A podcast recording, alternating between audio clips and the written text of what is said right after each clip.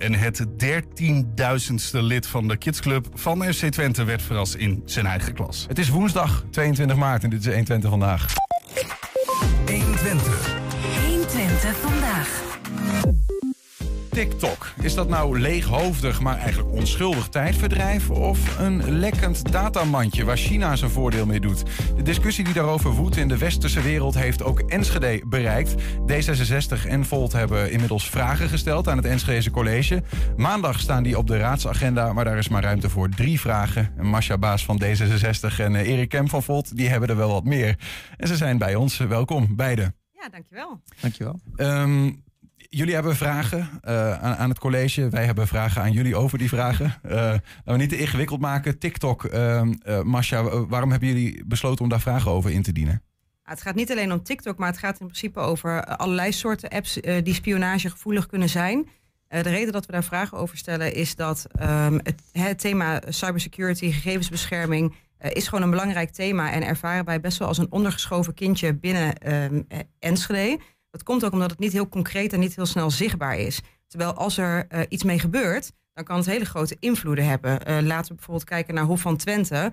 Uh, waar de cyberaanval twee jaar geleden ervoor zorgde dat de boel behoorlijk op zijn kop is gaan staan. Mm -hmm. en, een slecht wachtwoord was dat volgens mij achteraf. Hè? Klopt, dat had niet ja. specifiek met een app te maken, maar het is wel een voorbeeld van wat er kan gebeuren als je je gegevensbescherming of je, je cybersecurity, je dataveiligheid niet goed op orde hebt. Mm -hmm. En wij maken ons hier al langer zorgen over. En in principe het uh, nieuws dat gisteren naar buiten kwam dat rijksambtenaren uh, voortaan geen TikTok meer uh, mogen gebruiken op hun werktelefoon. plus andere spionagegevoelige apps. Dat is op aanraden van de AIVD. Dat was voor ons aanleiding dat wij dachten, als het nu landelijk niet mag, niet meer mag, dan is het eigenlijk belangrijk dat wij dat ook in Enschede gaan verbieden. Dat is nieuw voor mij, eerlijk gezegd. Hè? Dat is zelfs het Rijk heeft gezegd tegen zijn ambtenaren: nou ja, dit is niet meer verstandig. Maar dan, ja, dan is het eigenlijk bijna een, uh, gek dat, dat het op lokaal niveau uh, nog niet speelt. Ja, het is gisteren pas uh, bekend geworden. Ja. gisteren was, was kon je daar een artikel over lezen op de NOS. Um, dus we hebben eigenlijk de actualiteitenraad die wij elke maandag in Enschede hebben. Dat is om actualiteiten te bespreken die voor Enschede relevant zijn. Mm -hmm. Dus voor ons is dat reden, dat is een, een actualiteit, ja. om dat meteen aan te melden voor aanstaande maandag. Erik uh, Kemp van Volt, uh, wij kennen jou ook als iemand met een achtergrond in uh, de cyberspace en cybersecurity. je maakt je daarom ook hard voor die zaak, ook binnen, binnen Enschede.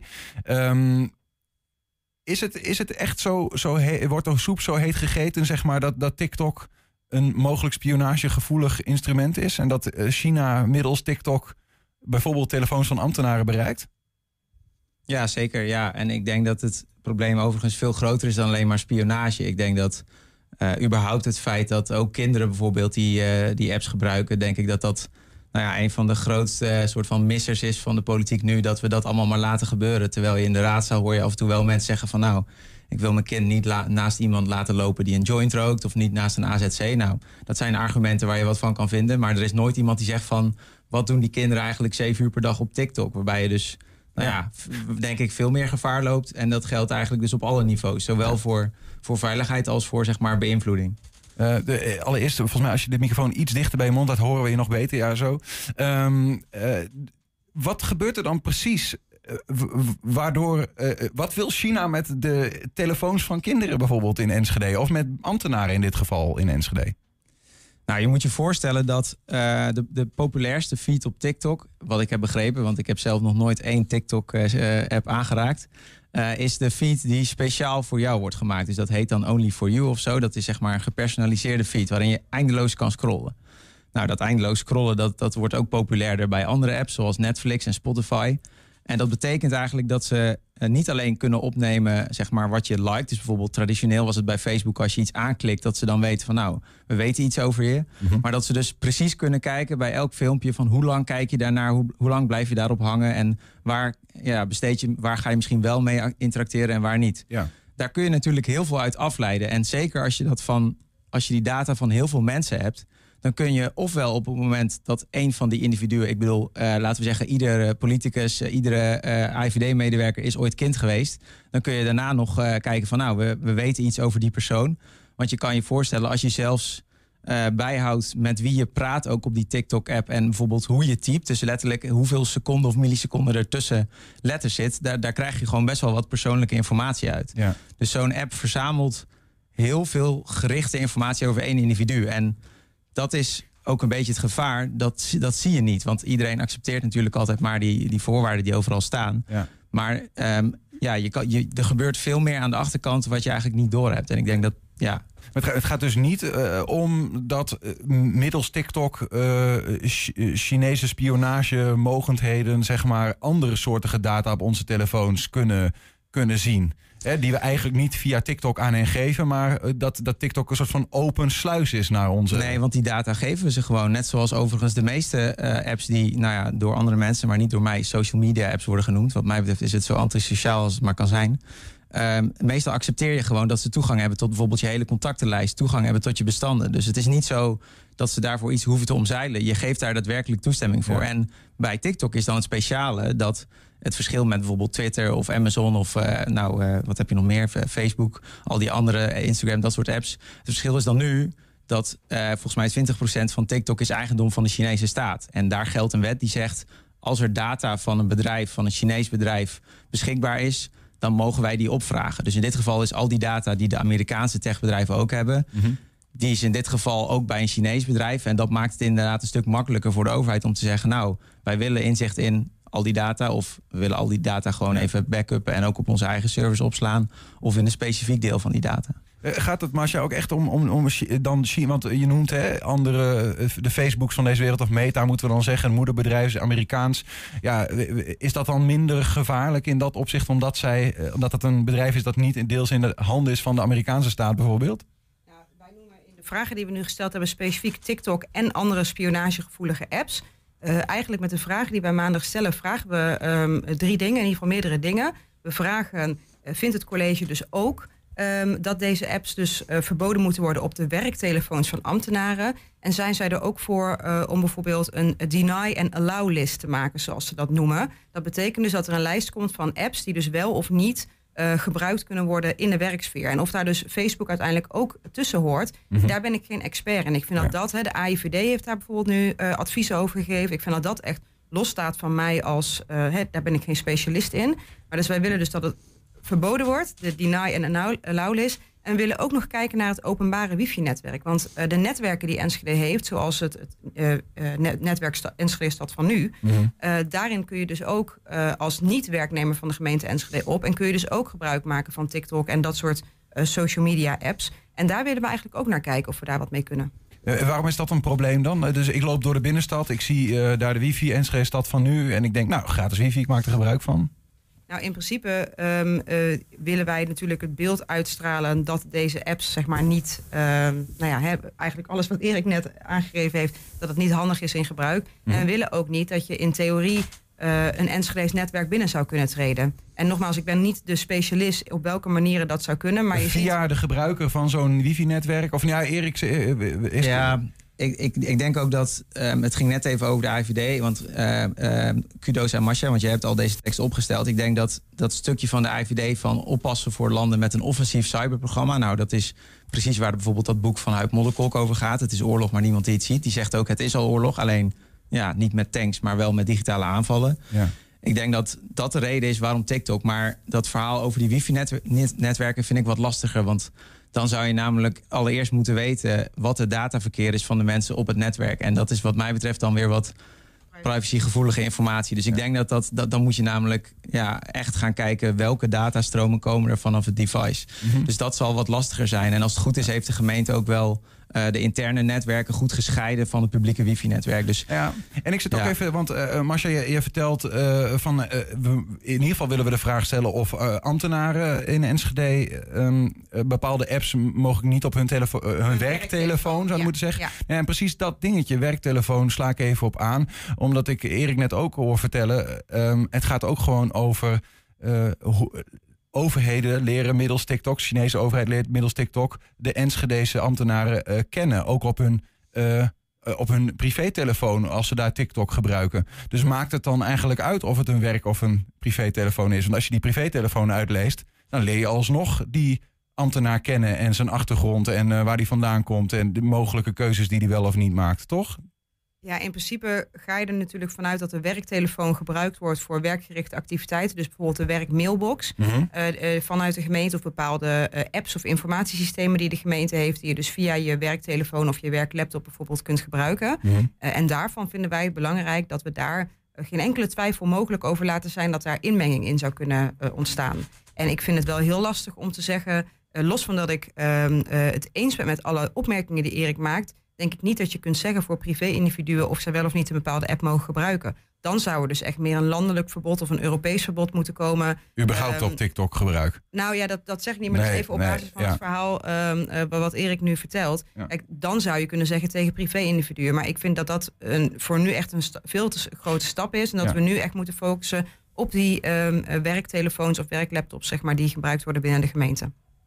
Ja, en ik denk ook dat dat goed is. Hè? Want ik bedoel, laten we eerlijk zijn. Het maakt al een groot verschil als je het zou verbieden op werktelefoons. Want het voorbeeld wat ik net noemde met die contactenlijst. eh, ja, dan zorg je er in ieder geval voor dat de hele contactenlijst van de ambtenaren op hun werktelefoon. dat die niet in handen is van de Chinese overheid in dit Ja, geval. Dus ik denk dat dat zeker belangrijk is om te beginnen. En ik ben het helemaal met je eens. Ik denk dat je dat niet op privé toestellen moet verbieden. Dat zou gewoon een eh, bewuste keuze moeten zijn om dat niet te gebruiken. Maar Eh, dat- voor, dat, voor, eh, voor, voor mensen die, die hier naar luisteren en denken van ja, weet je wel, eh, waar hebben we het over? Hè? Want Erik zegt, die, die, die oorlog die wordt feitelijk al gevoerd in de, in de cyberspace, weet je wel. Maar het is zo moeilijk vast te pakken. Is er een concreet voorbeeld van, eh, want, nou, dan heeft de Chinese overheid toegang tot een contactenlijst van een Enschedeze ambtenaar. So what, zeg maar. Wat, wat, wat is het daadwerkelijke risico die we mo- moeten gaan zien met elkaar?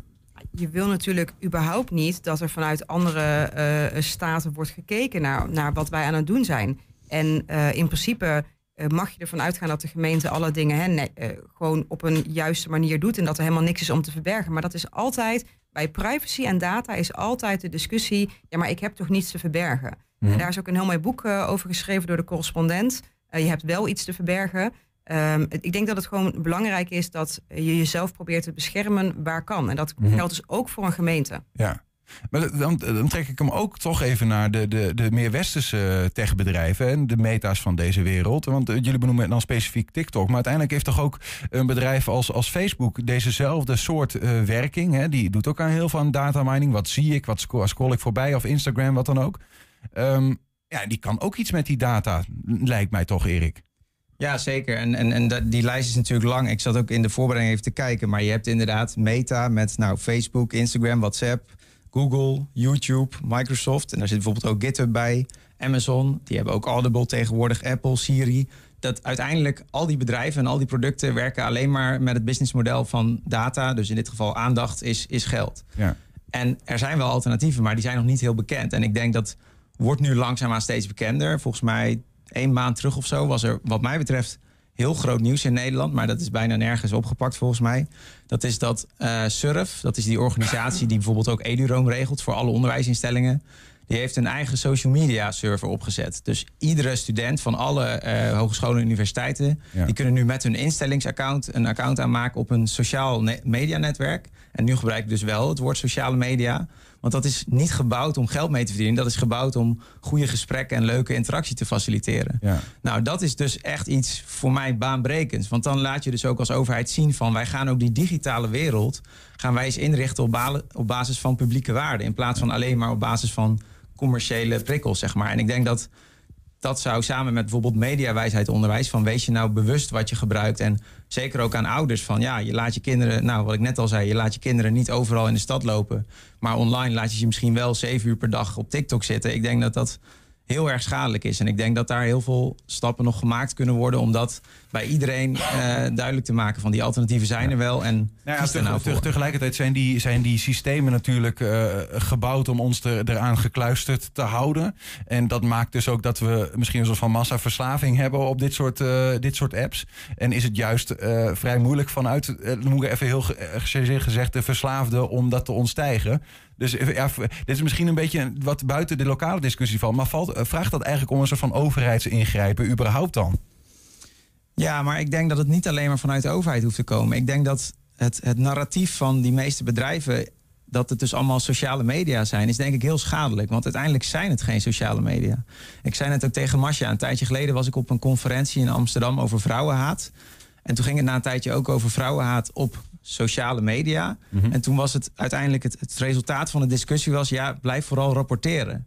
Ja, en dan, en dan denk ik echt van ja, rapporteren, allemaal hoela. Er wordt gewoon geld verdiend aan vrouwenhaat. Net zoals er geld wordt verdiend aan vreemdelingenhaat, aan alle soorten haat. Want het hele punt van die platform is, je moet mensen tegen elkaar opzetten. Dan ga je er weer heftig op reageren en daar verdienen ze geld aan. Ja. Dus dat, ga, dat soort, die, die zeg maar viral gaan en vooral extreme meningen omhoog laten stijgen.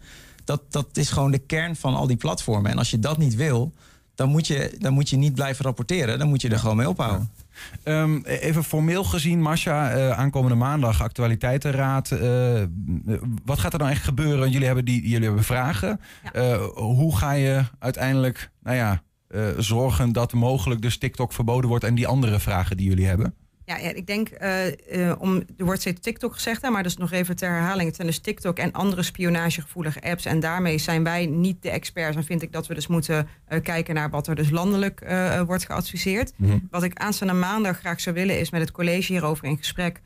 hoe zij dit ervaren en of zij bijvoorbeeld bereid zijn om zo'n deny of allow list te gaan opstellen. Of zij bereid zijn om deze apps te gaan verbieden op nieuwe Ja, dat is dus een, een lijst met, met apps die wel of niet ja, Ja, ja, zoals toegestaan zijn. Ja, ja, inderdaad. Zoals die dan inderdaad gebruikt kunnen worden eh, op eh eh, werktelefoons en werklaptops. En ik denk, wij hopen heel erg dat we een toezegging krijgen van de wethouder. Dat hij zich daar ook om wil bekommeren. Want digitale veiligheid is overal nog ehm, eh, een uitdaging. Zeg maar. Is ook in Enschede gewoon iets waar we aan moeten werken. Ja. En op het moment dat die toezegging er niet komt, dus dat het dus lastig wordt ehm, eh, om dat te realiseren aanstaande maandag, dan overwegen wij sterk om daar een motie voor te schrijven, omdat een week later de raadsvergadering is waar we die zouden kunnen indienen. Ja. Dus via die manier zouden we dan via de politieke meerderheid kunnen kijken of we daar eh, iets mee kunnen. Heb je het idee dat daar draagvlak voor is eh, als daar gestemd zou moeten worden? Ah, weet je wat het is? Eh, dat weet ik niet zeker. Dat kan ik nu nog niet zeker zeggen, want ik heb nog niet alle partijen daarover gesproken. Maar wat ik net noemde, dat ondergeschoven kindje. Eh, en ook het voorbeeld van Hof van Twente. Er was een artikel van Tubantia waarin heel duidelijk werd dat raadsleden eh, zelf aangaven: we hebben hier geen kennis van. We, we Mm. weten niet waar dit over gaat en ineens overkomt het ons. En eh, ik denk dus dat als we alle collega-raadsleden kunnen uitleggen wat dit betekent, dat we daar wel een meerderheid voor kunnen halen. Ja, dat hoop ik wel. Ja. En dan eh, toch nog even één stapje verder. want daar ben ik wel benieuwd naar. We zagen eh, gisteren, heeft, collega's uit Almelo van ons... die hebben gepubliceerd over dat daar de gemeente... eh, de digitale veiligheid als een echt een groot onderdeel... in hun integrale veiligheidsbeleid gaat implementeren. Omdat blijkbaar 17% van de Nederlanders... slachtoffer werd van cybercrime in 2021. Nou, dat is echt heel wat. 1 op 6. Ehm, eh, is, is eh, dit een, een nu, nu gaat die vraag naar ambtenaren. Hè? Maar Mhm. is het ook iets waar jullie in bredere zin inderdaad de Enschede'er zelf, eh, waar jullie je druk om maken? Van ja, moeten we die Enschede gaan onderwijzen over de gevaren en mogelijk zelfs daarin, nou ja, misschien niet van bovenaf iets op, maar toch wel kijken van hoe kunnen we nou maatregelen nemen om de Enschede te beschermen? Ja, wat mij betreft wel. En daarom probeer ik het ook steeds breder. Dus ik, ja, ik zit dan inderdaad in het vakgebied van cybersecurity, maar ik probeer het juist breder te trekken. Ehm, waar we het net over hadden, je zei van kun je iets concreets noemen van digitale oorlogsvoering? Nou, in China hebben ze ook TikTok. En daar zijn het bijna alleen maar politieke filmpjes. Dus filmpjes die echt iets leren over de wereld, die daar zeg maar omhoog worden gepusht. In de rest van de wereld worden juist alle filmpjes die enigszins over iets inhoudelijks gaan, waar je iets van zou kunnen leren, worden omlaag gepusht door het algoritme. Dat is super effectieve digitale oorlogsvoering. Want dat betekent dat je in je eigen land iedereen laat nadenken over, nou, iets waar je wat van leert als mens, waar je van groeit. Ja. En in de rest van de landen is iedereen bezig met onzinnige filmpjes. Dus ja, ik denk dat er heel veel bewustwording nodig is. En nou ja, zeker wat ik net zei, zo'n feed die dus helemaal voor jou lijkt gemaakt, maar waar de, waarbij je dus uiteindelijk zelf totaal niet kunt bepalen wat je ziet. Je kan niet een paar mensen volgen en daarvan een chronologische tijdlijn zien. Ik denk wel dat dat iets is wat we gewoon mee moeten geven, zeker vanaf de jongste generatie van wees je nou van bewust dat er een verschil is tussen zeg maar de digitale wereld op basis van publieke waarden en die, die digitale wereld die alleen maar data en daarmee geld uit jou probeert te trekken. En daar zijn op zich al projecten voor. Dus ik, ik was ook net in de voorbereiding even aan het kijken.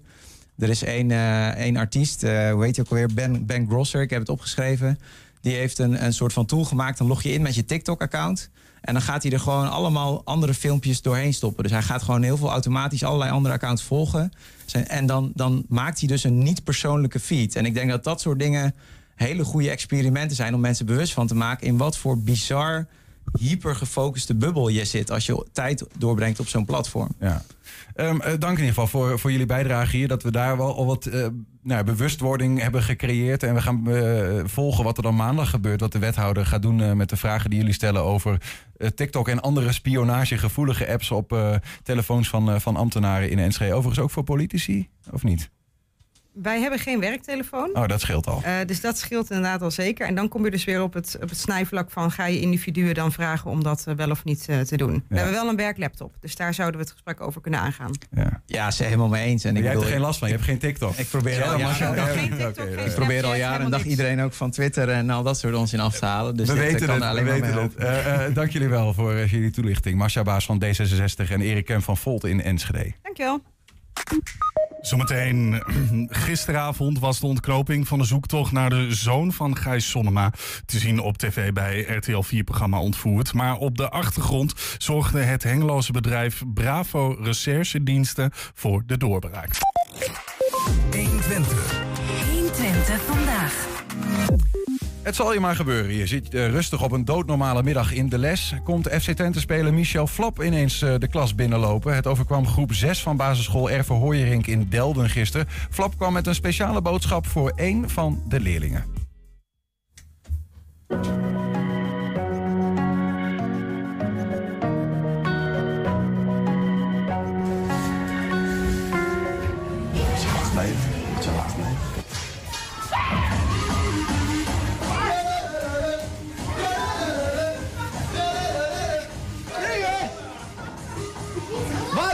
Dames en heren. Daar is Bob!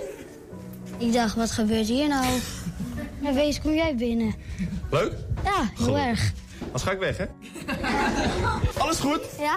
Jij bent het 13.000 lid. Zeg maar even tegen de camera. Maar hij kwam niet zomaar langs. Hij kwam ook nog voor jou langs. Weet je waarom die voor jou kwam? Ja, het 13.000 uh, lid van uh, de Kidsclub. Zegt jou dat iets zo'n aantal, of dat veel of weinig is? Ja, dat 13.000 is. Dat is redelijk veel volgens mij. Maar uh, ja, nee, ik, ik, vroeg toevallig vandaag uh, of het een beetje veel is. En nou, toen zei ze eigenlijk wel dat het absurd is. Ja, toen zei ik ook gelijk, nou dan begrijp ik ook waarom stadion vol is. Want ja, het DNA wordt gelijk doorgegeven natuurlijk hè, aan alle kinderen. Dus ja, dat is, uh, is fantastisch. Ja, heel mooi.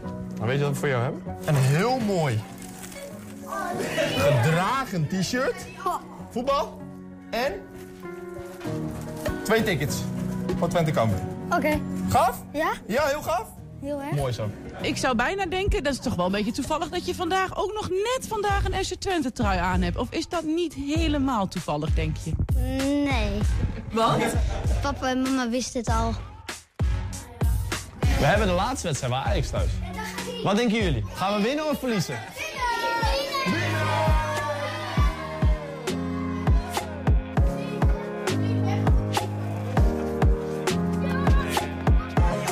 Twente.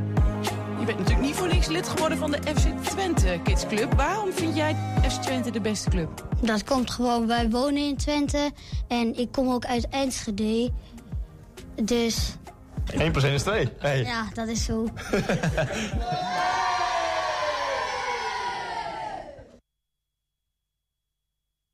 Ja, tot zover die verrassing van Michel Flap in de klas daar. Ja, en op het uh, trainingscentrum in Hengelo is vanmiddag een oefenwedstrijd gespeeld achter gesloten deuren. FC Twente won met 1-0 door een doelpunt vlak voor tijd van Irakli Jegojan. Een jeugdig FC Twente vanmiddag dus, met veel spelers uit de academie. En in de eerste helft een gastspeler in de spits. Dat was Noel Futkeu. De uh, wedstrijd is net een uurtje afgelopen. Straks op 1 Twente de samenvatting en een reactie na afloop van Ron Jans. Zometeen een afvaardiging van de actiegroep Behoud Oude Biep Hengelo heeft vanmiddag een twintigtal bezwaren ingediend bij de gemeente Hengelo. Die verleende een vergunning aan projectontwikkelaar van Wijnen, die het pand heeft gekocht en om wil bouwen tot acht appartementen. 120. 120 vandaag. In 2014 waren ze ineens met de Noorderzon verdwenen. Zijn ex-vrouw en haar ouders, maar bovenal zijn zoon Sebastiaan. Die hadden ze meegenomen. En dus bleef vader Gijs Sonnema uit Glanen alleen achter. Acht jaar lang zocht hij zijn zoon zonder resultaat... tot hij hem vorig jaar terugvond in een pension in Oostenrijk. Gisteravond was eh, de ontknoping van die zoektocht te zien op televisie bij RTL 4-programma Ontvoerd. Maar op de achtergrond zorgt het Hengeloze bedrijf Bravo Recherchediensten eigenlijk voor de doorbraak in het onderzoek. Directeur van het eh, recherchebedrijf René Bouwman is bij ons. René, welkom. Dankjewel. Eh, gisteravond de, de aflevering waar, waar jullie nou, op de achtergrond een, een grote invloed hebben gehad op dit, deze zaak. Zeg maar. hoe, hoe heb je naar die aflevering gekeken? Ja, de zaak is ook alweer, de- dat loopt al een hele tijd. Dus er komen ook wel weer wat, wat flashbacks eh, op dat gebied. Dus je, je gaat wel een stukje weer, eh, weer herbeleven. En eh, ja, het is natuurlijk een heel schrijnende zaak. Dat komt dan wel weer, wel weer boven, ja. Nou, vertel, want voor, voor wie dat niet heeft gezien, even in een notendop, zeg maar, wat is, hier, wat is hier aan de hand geweest? Wat is de zaak? Ehm, de inleiding heb je al even benoemd, eh, wat er plaats heeft gevonden. Eh Gijs heeft zich eh, bij ons gemeld, eh, ehm, ik denk circa twee jaar geleden. Ehm, om te kijken wat wij daar eventueel in zouden, zouden kunnen. Gedurende dat proces is er ook een, een, een anonieme tip binnengekomen. waar mogelijk zijn ex-vrouw en de zoon zou, zou kunnen zijn. Mhm. In dit geval Oostenrijk. Ja. We hebben een onderzoek ingesteld, observatie. En daar hebben we inderdaad eh, eh, de ex-vrouw en, eh, en zijn zoon aangetroffen. Dan begrijp ik dat vanaf 2014 eh, deze man heeft gezocht naar zijn zoon. Ja. Daarbij is politie ingeschakeld, justitie, Interpol, kinderbescherming. En dan moet een hengeloos recherchebedrijf uiteindelijk de zaak oplossen. Ja. Do- doen zij nou iets fout of doen jullie iets goed? Of hoe, hoe kan dat? Nee, wij zijn heel goed. Dat is, eh, Ja, ja dat is, vind je dat, ik, ik, ik vind dat opmerkelijk.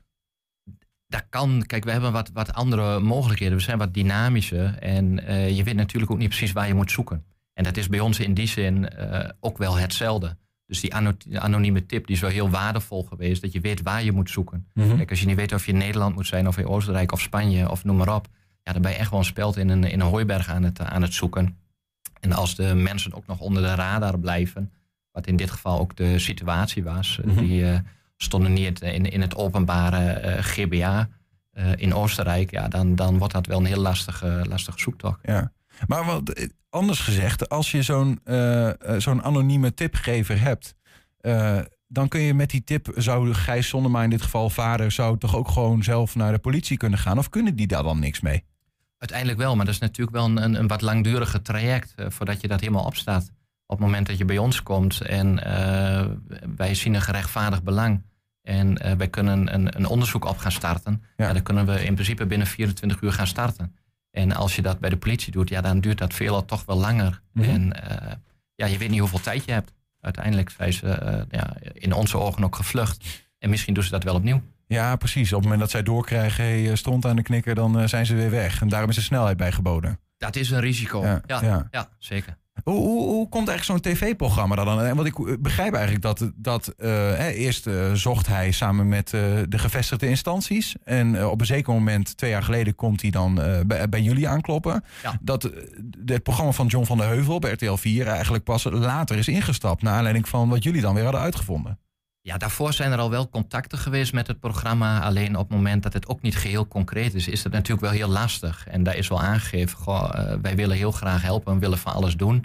Maar we moeten wel kijken of het op enig moment ja, eh, iets, iets duidelijker is. Dat we weten waar we moeten zoeken, waar we mee aan de slag kunnen. Mhm. En eh, ja, doordat wij die anonieme tips, tips zijn gaan onderzoeken, Ja. ja, is het concreter geworden. En heeft Gijs later weer het televisieprogramma benaderd. Die zegt, ja, maar hier kunnen we wat mee met, eh, met elkaar. Maar jullie hadden dat toch dan ook gewoon zelf eh, kunnen oplossen, bij wijze van. Hè? Want als je een, een, een, een, eh, een, een een adres hebt in, in, Ja. in Oostenrijk, dan kunnen jullie denk ik met jullie eigen mensen ook wel even langs rijden om te kijken, nou wat is hier aan de hand? Dat klopt, dat hebben wij ook gedaan in, in die zin. Dus we, we hebben dat aan de voorkant ook wel gecheckt en geconstateerd.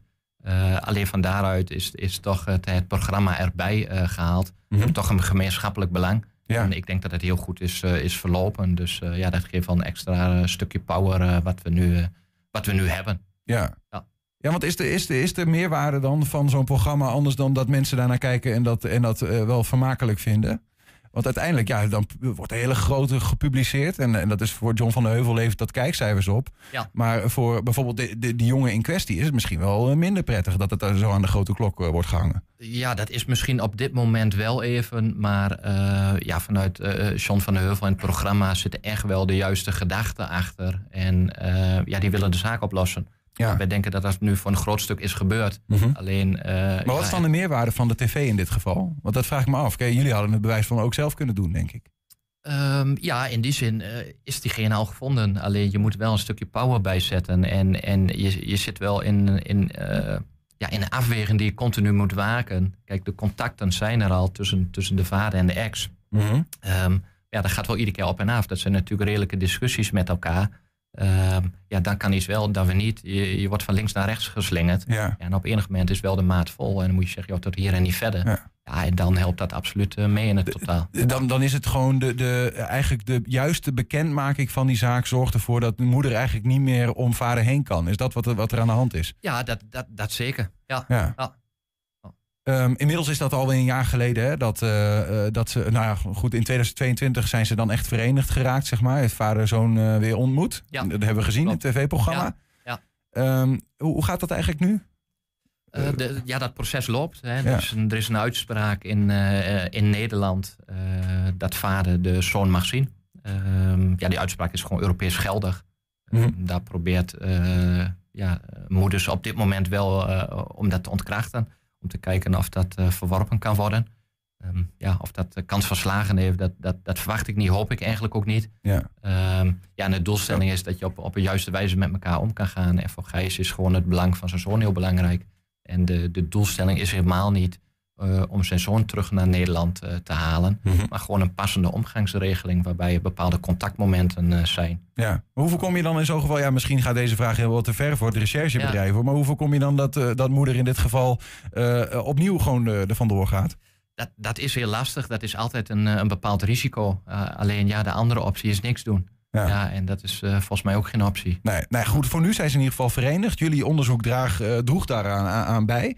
Ja. Ehm, eh, hoe groot is, want je hebt een, een, een recherchetak en een beveiligingstak bij Bravo. Ja. Eh, die recherchetak is ongeveer vier jaar oud. In Klopt. alle zaken die je hebt gedaan, van hoe, hoe, hoe waardevol, hoe groot is zo'n zaak?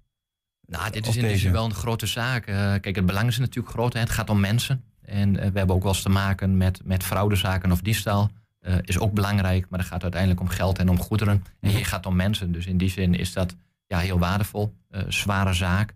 Speelt al acht jaar. Dus ja, dat is echt wel een stevige zaak. Ja. Maar ja, concreet gezegd, hè, wat betekent jullie werk in deze dan? Die jongen die is al een tijd zoek. Dan op een zeker moment is er een, een tip. Hij zit mogelijk ergens in Oostenrijk. Ja. Wa- wa- ja, wa- wat is jullie werk precies geweest in deze zaak dan? In basis gaan we kijken, eh, dat is ook gevoel en beleving, hoe waardevol is de tip. Eh, op basis daarvan moet je inschatting van maken. Gaan we daar iets mee doen? Gaan we wel of niet kijken? Ja, in dit geval zijn we afgereisd naar, eh, naar Oostenrijk om te kijken van ja, kunnen wij daar toevallig iemand aantreffen? Ja, daar, daar speelt misschien factor geluk ook deels mee. Ja, daar hebben wij vrij snel hebben wij, moeders aan, aangetroffen. Ja, en vervolgens ook, ook de zoon. Ehm, ja. Mag dat eigenlijk zomaar? Want ik, ja, het lijkt me zo ingewikkeld. Hoe komt zo'n zaak dan tot stand uiteindelijk? Hè? Want jullie, je kunt niet zomaar, denk ik, ehm, als je eh, van iemand een vraag krijgt, kun je eens even kijken waar die of die is. Nee. Dan gaan posten, lijkt, lijkt mij. Of mag dat? Of, Nee, nee, dat mag zeker niet. Nee, we zijn erkend door het ministerie van Veiligheid en Justitie. En dat houdt in dat wij ons aan bepaalde voorwaarden moeten houden. En eh, de belangrijkste voorwaarde om een onderzoek in te mogen stellen is dat er sprake is van een gerechtvaardigd belang. Ja. Ja. in dit geval is die er. En daar moeten wij ook een hele goede afweging in maken. En dat doen we vaak eh, eh, ook samen met een, met een advocatenkantoor. Hoe staan Ja. jullie daarin? Of met brandsgenoten. Van eh, ja, kunnen en mogen we dit? Ja, ja. En, de- en dan hoef je niet aan een rechter te toetsen, bijvoorbeeld. die toetst dat achteraf. Dan horen wij of het, of het goed was, zeg ik wel eens. Dat, dat, daarom moet er best wel een bepaalde mate van ervaring aanwezig zijn. En ik, ik vergelijk het wel eens binnen bijvoorbeeld een politieorganisatie... het toepassen van proportioneel geweld. Ja, wat is dat dan? Ja, dat, dat is heel lastig. Daar ga je achteraf met elkaar over oordelen. Maar dan moet je wel aan de voorkant de juiste afweging en beleving in hebben... op basis van kenniskunde en ervaring. Ja. Dit is dan één, één van de dingen die jullie doen. Eh, Gewoon letterlijk, mijn zoon is kwijt. ehm, ex-moeder of eh, ex-vrouw is ermee vandoor gegaan met haar ouders. Ehm, ik heb een tip. Eh, mogelijk zit hij daar. Kunnen jullie helpen? Ehm, ook als er geen tip is trouwens. Gaan jullie mee- meekijken? Kunnen we hem opsporen bijvoorbeeld? Als er geen anonieme tip zou zijn. Nou, wij zijn eigenlijk begonnen en eerst ga je het verhaal aanhoren en dan ga je een inschatting maken van ja, wa- wat kunnen wij doen? Hoe groot is die kans van slagen? Want ja, er moet wel een realistische kans eh, zijn. Ja. Eh, zonder anonieme tip, ja, dan is het voor ons ook een speld in de hooiberg. Dan was het wel heel lastig geworden. Ja. Wij waren al bezig om, om een stukje onderzoek eh, te doen. Eh, ook de open bronnen, eh, Facebook, LinkedIn en zo zijn er nog wel een aantal middelen om te kijken hoe ver kunnen we daarin in komen. Mhm. Ja, dat, dat, dat is uiteindelijk wel heel lastig. Dus ja, die, die tip komt gewoon op Ja. een heel mooi, eh, mooi moment. Wat, wat, wat, wat doe je nog meer eigenlijk al als je recherchebedrijf? Natuurlijk super spannend. eh, eh, ja, zo klinkt dat als van de buitenkant. Hè? Iemand die eh, ja. even gaat posten of ergens naar een Oostenrijkse pension gaat en daar misschien wel onder dekmantel zich inschrijft om te kijken wat gebeurt er allemaal. Ja. Zijn het vooral dat soort dingen of wat, wat voor een soort werkzaamheden doen jullie? Ja, het verschilt wel heel erg. Het is wel iets anders dan, dan op televisie, zeg ik altijd. Ja, we hebben meerdere pijlers. Eigenlijk richten wij ons een stuk op eh, de PGB-fraudes, persoonsgebonden budgetten. Eh, daar werken wij met name voor eh, verzekeringsmaatschappijen of de zorg op een juiste wijze wordt, wordt uitgevoerd. Ehm, en Dus iemand, iemand krijgt een budget en moet daarmee zorg leveren. Ja, dat, dat is de, de, de WMO, zeg maar. Dan krijgt iemand een x-budget en die mag zelf de zorg inkopen. Ja. Eh, als je praat over de PGB, dan gaat dat via een zorgverzekeraar die de zorg inkoopt bij een, een, een zorgverlenende instantie. Ja, Ja. die moet dat wel op een juiste wijze doen. Ja, ja, dan ga je gewoon kijken van gebeurt dat ook, maar dan wel op een afstandje.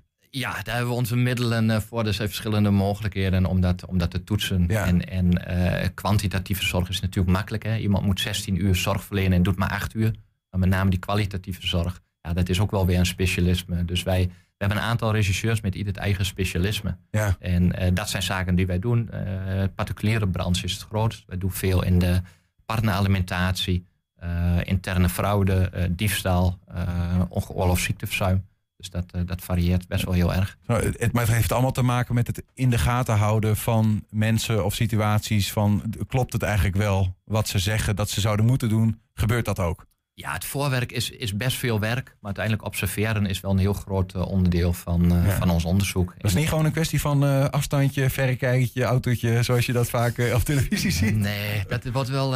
nee, die man met die bolhoed en de gaten in de krant. dat, dat, dat, ja, dat, dat stadium zijn we echt wel voorbij op dat gebied. Ja. Ja, en observeren heb je echt wel verschillende mogelijkheden. Juist kun je het op een afstand doen, heel anoniem. Maar juist kun je, eh, soms kun je het juist eh, midden in beeld gaan doen, want dan val je minder op. Ja, ja. Dus er zijn wel allemaal afwegingen die je moet Dan ga je hier natuurlijk ook niet allemaal aan de grote klok hangen hoe dat werkt. Nou ja, wij kunnen niet alles benoemen, maar je moet je, moet je wel aanpassen aan de omgeving. Dus wij kijken ook goed welke regisseur past hierbij. Moet dat een man zijn, moet het een vrouw zijn, jong, oud? Moet dat juist een koppeltje zijn? Eh, Ja, het is net waar je, waar je een onderzoek eh, instelt. Geen camouflage, kleding aan, want dat val je juist op. Weinig, Ja, weinig. ja, ja. Eh, maar goed, wij werken wel met bepaalde middelen. Hè. Een bordje van eh, eh, werkverkeer, ja, dan kunnen we net iets makkelijker parkeren. En als we een, een oranje hesje aan doen, vindt iedereen prima dat je de straat loopt. Dus daar, daar zijn wel bepaalde mogelijkheden en middelen. Jij doet dat zelf niet, hè? Jij, jij bent Nee. in principe directeur, maar er zijn mensen die dat doen. Wat zijn dat voor, voor, voor types eigenlijk? Want het- ja, je moet wel zenuwen van staal hebben, denk ik soms, toch? Of niet? Ja, je moet je een stukje eh, durven, eh, zeg ik wel eens. Alleen eh, je moet wel zorgen dat je in de anonimiteit blijft, want anders loopt het onderzoek stuk. Dus de rechercheurs bij ons die hebben allemaal wel minimaal 10, 15 jaar ervaring in de opsporingswereld bij politie, marechaussee of een, of een MIVD. Ja, ja. Je kunt je diploma kun je ook wel online halen. Ehm, maar dan, dan, ja, dan mis je nog wel een heel stukje praktijk om daar daadwerkelijk gedegen onderzoek eh, mee te Je kunnen kunt, draaien. je kunt gewoon afstandscursussen, recherchewerk doen en dan, eh, dan Ja, ben je je- in principe een rechercheur, bij wijze van. dan heb je het papiertje. Ja, ja. ik vergelijk wel eens met een rijbewijs. Als je je rijbewijs haalt en de dag daarna wil je meedoen aan de Formule 1. Dat, dat, dat wordt wel heel lastig. eh, en dat, dat zien we hier ook wel. Dus wij Ja. vinden ook jammer dat dat er is. Wij geven ook een eigen opleiding. Ja, daar zit een stuk praktijk bij in. En aan de hand daarvan kun je ook mee gaan lopen met onze rechercheurs. En na 1, 2 jaar kun je uiteindelijk uitgroeien tot ja, eh, zelfstandig opererend rechercheur. Ja, ja. Maar niet op dag 1 als je je papiertje hebt. Nee. Hoe, hoe kom je eigenlijk bij om, om, om een recherche? Want v- vier jaar oud, hè, de, het, de beveiligingstak is, is iets ouder, eh, vijf jaar oud hè, bij, bij jullie. Maar hoe kom je erbij om zo'n tak, eh, om recherchewerk te gaan faciliteren of doen in dit geval? Ja, het schuurt een klein stukje tegen beveiliging aan. Dan kom je natuurlijk wel in bepaalde vertrouwensfuncties en vertrouwelijke gesprekken. Waarbij de vraag eh, ja, toch in een bepaalde regelmaat bij ons kwam van goh, kunnen jullie dat, hebben jullie dat? Ehm, op dat moment hebben we vaak gezegd, nou dat kunnen wij niet, maar we willen je wel op weg helpen. En we gaan kijken binnen ons netwerk welke mogelijkheden er zijn. En uh, dan waren wij toch niet uh, geheel overtuigd van de partijen om ons heen. Ehm, en hebben we gezegd, ja, dan, dan gaan we daar zelf iets in, in doen. En uh, zo hebben we de, ja, de juiste mensen verzameld om het op uh, een goede manier te gaan doen. Ja, ja, ja. Nou ja, en dat, dat blijkbaar goed, hè? want uh, we hebben jullie werk, tenminste het resultaat van jullie werk gisteravond op televisie kunnen zien. Um, dat de, recherche, de recherchetak is nog wat kleiner dan de beveiligingstak, die vijf jaar bestaat. Maar ik hoorde jou in een voorgesprek zeggen 140 mensen inmiddels in dienst. Ja. En daar. Wat is, is dat, ja, wat is het gouden ei? Wat is je, wat is je tip? Want het is explosief groeiend dan, toch, bij jullie? Ja, de markt is, uh, is een onderdeel. De markt is, er, is erna, zeg ik wel eens. Maar uh, los ervan, um, wij geloven niet in, in een beveiligingsbedrijf die een poppetje met een veetje wegzet. Hè. Dan ben je een uitzendbureau. En dat zijn wij niet. Dus wij geloven in, in de juiste totaaloplossing uh, te bieden voor de opdrachtgever. Mm -hmm. um, en daar kan die persoon, kan daar mogelijk een onderdeel van zijn van die totaaloplossing. Ja. En ja, dat is wel een heel, heel verschil met dat je puur iemand ergens naartoe stuurt. Um, die zich daar meldt en die zegt, oh, wat, wat moet ik hier doen? Ja, volgens mij zijn wij de experts, dat onze expertise en vinden wij daar wat van. Ja, dan moet je wel de mensen op de juiste wijze die informatie meegeven. Als je zou moeten kiezen, uh, tot slot, een beetje een klote vraag. Maar de beveiliging of de recherche, als je de een zou moeten afstoten? Nou de beveiliging is groter. En, en daar zitten ook heel veel waardevolle mensen in die daar elke dag van moeten eten. En daar ben ik er één van. Dus ja, dan is de kus zeker voor de beveiliging. Ik ben daar zelf in 99 mee begonnen. Dus dat, dat zit in die zin ook wel geworteld. Um, aan de andere kant kun je wel bij recherche een bepaalde mate van voldoening die we hier uithalen, dat je echt iets voor iemand kan betekenen, is soms bij de beveiliging uh, uh, minder aanwezig. Ja. Dus ja, dat is, dat kan is me dat een voorstellen. lastige vraag. Ja, maar een mooi antwoord. Uh, diplomatiek ook. René Bouwman, uh, dankjewel Ja, voor je komst. En uh, nou, succes met jullie allemaal uh, verder nog uh, gaan doen. Wie weet zien we nog eens wat zaken op tv... waar jullie stiekem op de achtergrond heel veel werk hebben gedaan. Dat zou maar zo kunnen. We zijn ook als podcast luisteren via alle bekende platforms. Je vindt daar de hele uitzendingen en elke dag één item uitgelicht. 120. 120 vandaag. Een afvaardiging van de actiegroep Behoud de Oude Biep Hengelo... heeft vanmiddag een twintigtal bezwaren ingediend bij de gemeente Hengelo... tegen de verlening van de omgevingsvergunning aan projectontwikkelaar Van Wijnen. Die heeft het pand gekocht en wil het in het historische pand uh, acht appartementen realiseren. Aan de telefoon is Karin van den Akker van die actiegroep... die vanmiddag dus die bezwaren mede heeft ingediend in het uh, stadskantoor. Karin, goedemiddag. Goedemiddag. Die, die, actiegroep van jullie, Behoud de Oude Biep, die voert inmiddels al jarenlang actie hè, tegen, die, uh, tegen die plannen. Tenminste, die, dat is vanaf 2021 een ding. Waarom, waarom maken jullie daar eigenlijk zo hard voor? Uh, nou, het, het, pand waar wij ons hard voor maken, dat is een, uh, een pand wat ontworpen is door architect Beut. En het, gaat niet alleen om het pand zelf, maar het gaat ook om de inrichting en de indeling van het pand. Dat is ontworpen volgens het principe van de gezamtkunstwerk. Dat houdt in dat de buitenkant, uh, binnenkant, indeling, interieur allemaal ontworpen is door Boyd. Dus het vormt één geheel. Het is een pand uit 1930. En het is van binnen nog helemaal origineel. Dat wil zeggen, het is uh, gebouwd in opdracht van de familie Stork als leeszaal, openbare leeszaal. En uh, dat was enig in zijn soort in die tijd. En uh, de bibliotheekkasten zitten er nog in, net als alle mooie tegels uh, zitten erin. De trapopgangen zijn allemaal nog origineel. En het is nu verkocht aan um, projectontwikkelaar van Wijnen. En die gaat daar um, acht appartementen in realiseren. En uh, ja, dat vinden wij eigenlijk onverteerbaar, omdat het namelijk een openbaar gebouw is. En in dit geval zijn er acht gelukkigen die daar mogen gaan wonen.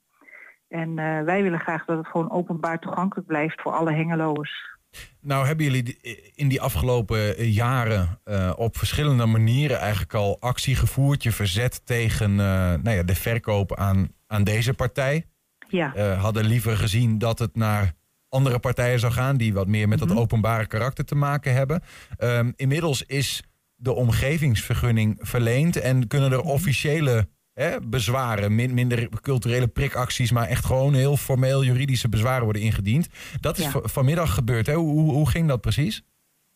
Nou, ehm, we hebben een, eh, ehm, om te beginnen hebben wij vorige week een inloopavond gehad, georganiseerd, waar mensen die, eh, betrokken, die zich betrokken voelen bij dit, eh, dit pand, informatie konden krijgen over het indienen van een bezwaar bij de gemeente. Eh, dat was een goed bezochte avond en uiteindelijk hebben twintig mensen gevraagd of wij eh, namens hun hun bezwaar in wilden dienen bij de gemeente. Dus er zijn twintig afzonderlijke bezwaarschriften. Daarmee zijn wij naar het gemeentehuis gegaan vanmiddag. We hadden aangevraagd bij het eh, bestuurssecretariaat of wij de bezwaren in mochten leveren of aan mochten bieden bij BMW. Maar dat, dat is niet gelukt. Daar was, eh, ja, die hadden geen gelegenheid om ze in ontvangst te nemen. Heel jammer. Uiteindelijk hebben we ze nu aangeboden aan Nicole Brem van de gemeente. En eh, ja, dat is heel spijtig dat het niet eh, rechtstreeks bij BMW kon. Want ja, zoals je zelf al zei, we hebben al een hele tijd allerlei acties gevoerd om op een positieve manier de bibliotheek ehm, ja, aandacht te geven. Mhm. En we hadden wel gehoopt dat dat eh, had gekund. Maar is helaas niet gelukt. Maar het was wel een hele mooie, eh, een, een, go- een goede actie waar we samen met Henk Methorst van Stichting Het Neutje hebben we die eh, bezwaarschriften eh, aangeboden. Ja, wat, wat zegt dat volgens Want ik hoor wel een ondertoon. Wat zegt dat volgens jullie dan? Dat, dat het college in dit geval niet eh, zelf die bezwaren in ontvangst wil nemen. Wat misschien ook niet de- per se de procedure is, denk ik, hè? Eh, nee, nou, het gebeurt ook niet zo heel vaak dat, dat mensen ehm, zelf be- bezwaren eh, aan gaan bieden aan BMW. Eh, eh, wanneer dat gebeurt, gebeurt het vaak voor een raadsvergadering. Ja. Maar we hebben in die zin ook gewoon de pech dat er vanavond geen raadsvergadering is. Normaal is die er wel op woensdagavond, maar die is vanavond niet. Dus ja, de, ze hadden geen gelegenheid om het in bezwaar of in, in, in, ontvangst Ja. te nemen. En wat, wat zegt dat volgens, wat zegt dat volgens jullie? Daar ga ik me niet over uitlaten. Oké, maar Nee, dat ja, wel dat, dat is gewoon heel jammer. Ja. Ja. Ehm, eh, dan even, want, want het doel is natuurlijk duidelijk. Hè? De, inmiddels, eh, jullie hebben geprobeerd om eh, nou ja, de, misschien wel de vergunningverlening überhaupt tegen te houden. Nou ja, ehm, daar is ook nog wat over te zeggen, komen we zo nog op, over, de, over dat hele traject. Ehm, maar nu die is verleend met juridische bezwaren proberen om dat tij alsnog te, te keren. Ehm, eh, dat, dat is het denk ik, hè? dat je probeert om nu alsnog te kijken van kunnen we juridische gaten in deze eh, vergunning eh, ja, krijgen. ja dat, dat is zeker wat we proberen met deze bezwaarschriften. Ehm, het probleem is dat, ehm, laat ik het anders zeggen, er is, er is een historisch onderzoek geweest waarin aangegeven is wat van belang is om te behouden. Zowel aan de buitenkant als aan de binnenkant van het pand. En ja, de, de, wat betekent behouden voor, voor onze werkgroep betekent behouden dat alle eh, originele elementen aan de binnenzijde van het pand, dus de kasten die, die overal nog aanwezig zijn, dat die ehm, gewoon op dezelfde plek eh, zullen blijven eh, zitten. Maar ja, Van Wijnen denkt daar toch wel iets anders over. Want die, die, ehm, ze gaan de kasten dan bijvoorbeeld wel terugplaatsen, maar op welke plekken, ja, dat is even de vraag. Eh, ze gaan ook bijvoorbeeld een hele eh, tegelwanden die er nog in zitten, daar gaan ze wanden voor plaatsen. Dan is in hun ogen blijft het origineel bewaard. Maar ja, je ziet het alleen niet, want er komt gewoon een, een, een gipswandje voor. Dus ja, dat is, dat is allemaal heel spijtig. En het is ja, maar on- ons belangrijkste punt is gewoon de openbaarheid. En eh, dat is gewoon heel spijtig. En wat ook, ja, de, ehm, kijk, de, de gemeente verliest elke controle op het moment dat ze het pand verkocht hebben en de omgevingsvergunning definitief verlenen, dan ehm, gaat Van Wijnen aan de slag, die maakt de appartementen in. Nou, zij zullen proberen, zeggen ze, originele elementen zoveel mogelijk te behouden. Zodra dat eh, echter alle appartementen verkocht zijn en, en er zit een vereniging van eigenaren op, dan ben je elke controle kwijt over wat er binnen in het pand gebeurt. Ja, ja, ja. Ja, dat snap ik. En, eh, en dan zeg je van eh, houd het nou in gemeentelijke handen en eh, zorg dat je de Nou, houd het in ieder geval openbaar. Ja. Het hoeft niet, niet per se in gemeentelijke handen te blijven, maar houd het in ieder geval openbaar dat mensen gewoon naar binnen kunnen. En dat er gewoon een, een, een maatschappelijke bestemming op blijft. In plaats van dat het een, eh, ja, nu, zoals nu in handen is van een commerciële partij. Ja, Eh, heel Ja. even, heel, heel even een, een, een tijdlijn schetsen hoor. Want ook de, de, überhaupt de procedure ehm, om die omgevingsvergunning, dat is eigenlijk de vergunning eh, waarmee uiteindelijk Van Wijnen mag gaan bouwen, zeg maar, is Mhm. eh, gegeven. Die heeft wat lang geduurd. Ehm, Ja. eh, in, eh, even vanuit ons perspectief, maar correct me if I'm wrong. In zomer 2021, dat is bijna twee jaar geleden, wint Van Wijnen een eh, aanbestedingsprocedure. En er zijn Klopt. een aantal, aantal partijen die mee willen doen. Zij winnen. Zij hebben het beste voorstel volgens eh, de uiteindelijke besluitnemers. Eh, Ja. Dan eind juni 2022, dat is ongeveer een jaar later, ligt er een bouwaanvraag, een omgevingsvergunningsaanvraag van Van, van Mhm. Wijnen. Ja. Ehm, dan is het normaal zo dat er ongeveer acht weken eh, is voor een een beslistermijn vanuit het college. Die geeft die vergunning dan, met eventueel zes weken verlenging. Maar nu was er pas in december, dus dat is juni, juli, augustus, september, oktober, november, december, zes maanden na de Ja. aanvraag is er pas, eh, is is nou nog niet eens vergeven, toen is er is verlengd. En op 14 januari liep de verlenging af, toen is hij nog opgeschort en nu is die uiteindelijk vergeven. Ja, je hebt je huiswerk goed gedaan. Dankjewel. ja, ja, het is echt heel, heel, heel bizar. Dit, dit schijnt wel aan alle ehm, regels te voldoen. Eh, je, je hebt opschorting en je hebt eh, verlenging. En ehm, ja, iedere keer dat er is opgeschort of verlengd wordt, dan eh, wordt die termijn elke keer uitgesteld. En het is zelfs zo dat als je eh, ehm, acht weken opschorting of iets dergelijks hebt, en je, je, hebt, je levert de benodigde stukken niet binnen die periode in, is dat ook geen probleem. Dus het zijn bijzonder ondoorzichtige regels die de gemeente hanteert. Ja, ja. En uiteindelijk schuift het dan dus door naar, naar of ja, heeft het geresulteerd in 9 februari het verlenen van de omgevingsvergunning. Maar is dat, is dat, gebeurt dat vaker zo dan? Dat het eh, in principe veel langer duurt dan, dan die acht weken plus eventueel zes? Of is dat in dit geval specifiek zo? Weten jullie dat niet? Ja, nee, nee dat, eh, dat schijnt vaker te gebeuren. De, de- Er is weliswaar een, een termijn, dus elke keer acht weken eh, kan die termijn opgeschoven worden. Maar er eh, worden geen consequenties aan verbonden als je die acht weken niet haalt. Dus dat kan gewoon, ja, dat kan bij wijze van spreken jaren duren. Nou, in ieder Ja. geval is dat dus, eh, hoor ik jou zeggen, eh, juridisch wel, wel, wel houdbaar wat er allemaal gebeurd is in, de, in die, dat lange traject. Nu ehm, nou ja, probeer je toch nog gaten te schieten hè, met al die bezwaarmakers. Naast die 20 bezwaren van omwonenden zijn er nog andere gekomen ook, toch? Die, die bezwaren in- indienen. Ja, ja de eh, Bond Heemschut heeft bijvoorbeeld bezwaar ingediend. Daarna Stichting Het Neutje, die ik net al noemde. Mhm. Sticht- Stichting Erfgoed Hengelo. Maar ook Stichting Behoud Erfgoed Stork Hengelo heeft eh, bezwaar aangetekend. Dus dat zijn best wel zwaargewichten. Ja. Dus nou kan het haast niet anders dan dat de politiek in actie komt, lijkt ons zo. ja, maar kunnen die dan nog wat? Want dit, dit is toch gewoon... eh, Ja, die, die kunnen dus wat jij dan schieten noemt op die, op die omgevingsvergunning. En ehm, al, alle punten die genoemd worden, daar zal de politiek op moeten reageren. hmm. Dus al die bezwaarmakers krijgen eh, bericht of krijgen een reactie op de punten die zij zelf dan eh, genoemd hebben. Ja, ja. Maar goed, eh, even gewoon puur juridisch gezien, als zo'n omgevingsvergunning is verleend, wat is gebeurd, dan, dan Ja. moet je toch, neem ik aan, niet alleen maar politiek draagvlak, dat helpt dan eigenlijk niet meer, toch? Je moet dan een soort van bij de rechter kunnen aantonen waarom het niet klopt.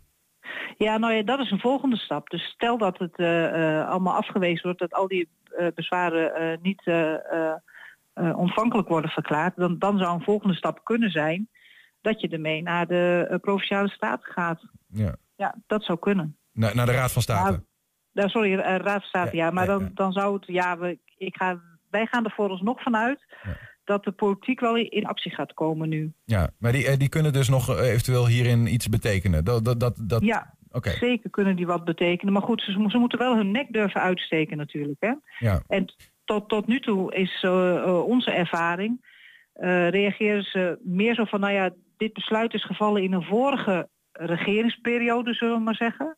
En ze willen eigenlijk hun handen daar, eh, hun vingers daar nu niet meer aan branden. En wat, ge- wat, wat gebeurd is, is gebeurd. Ze zeggen zelf ook al, we hebben zitten slapen. En als het nu alsnog in de raad zou komen, zou het anders lopen.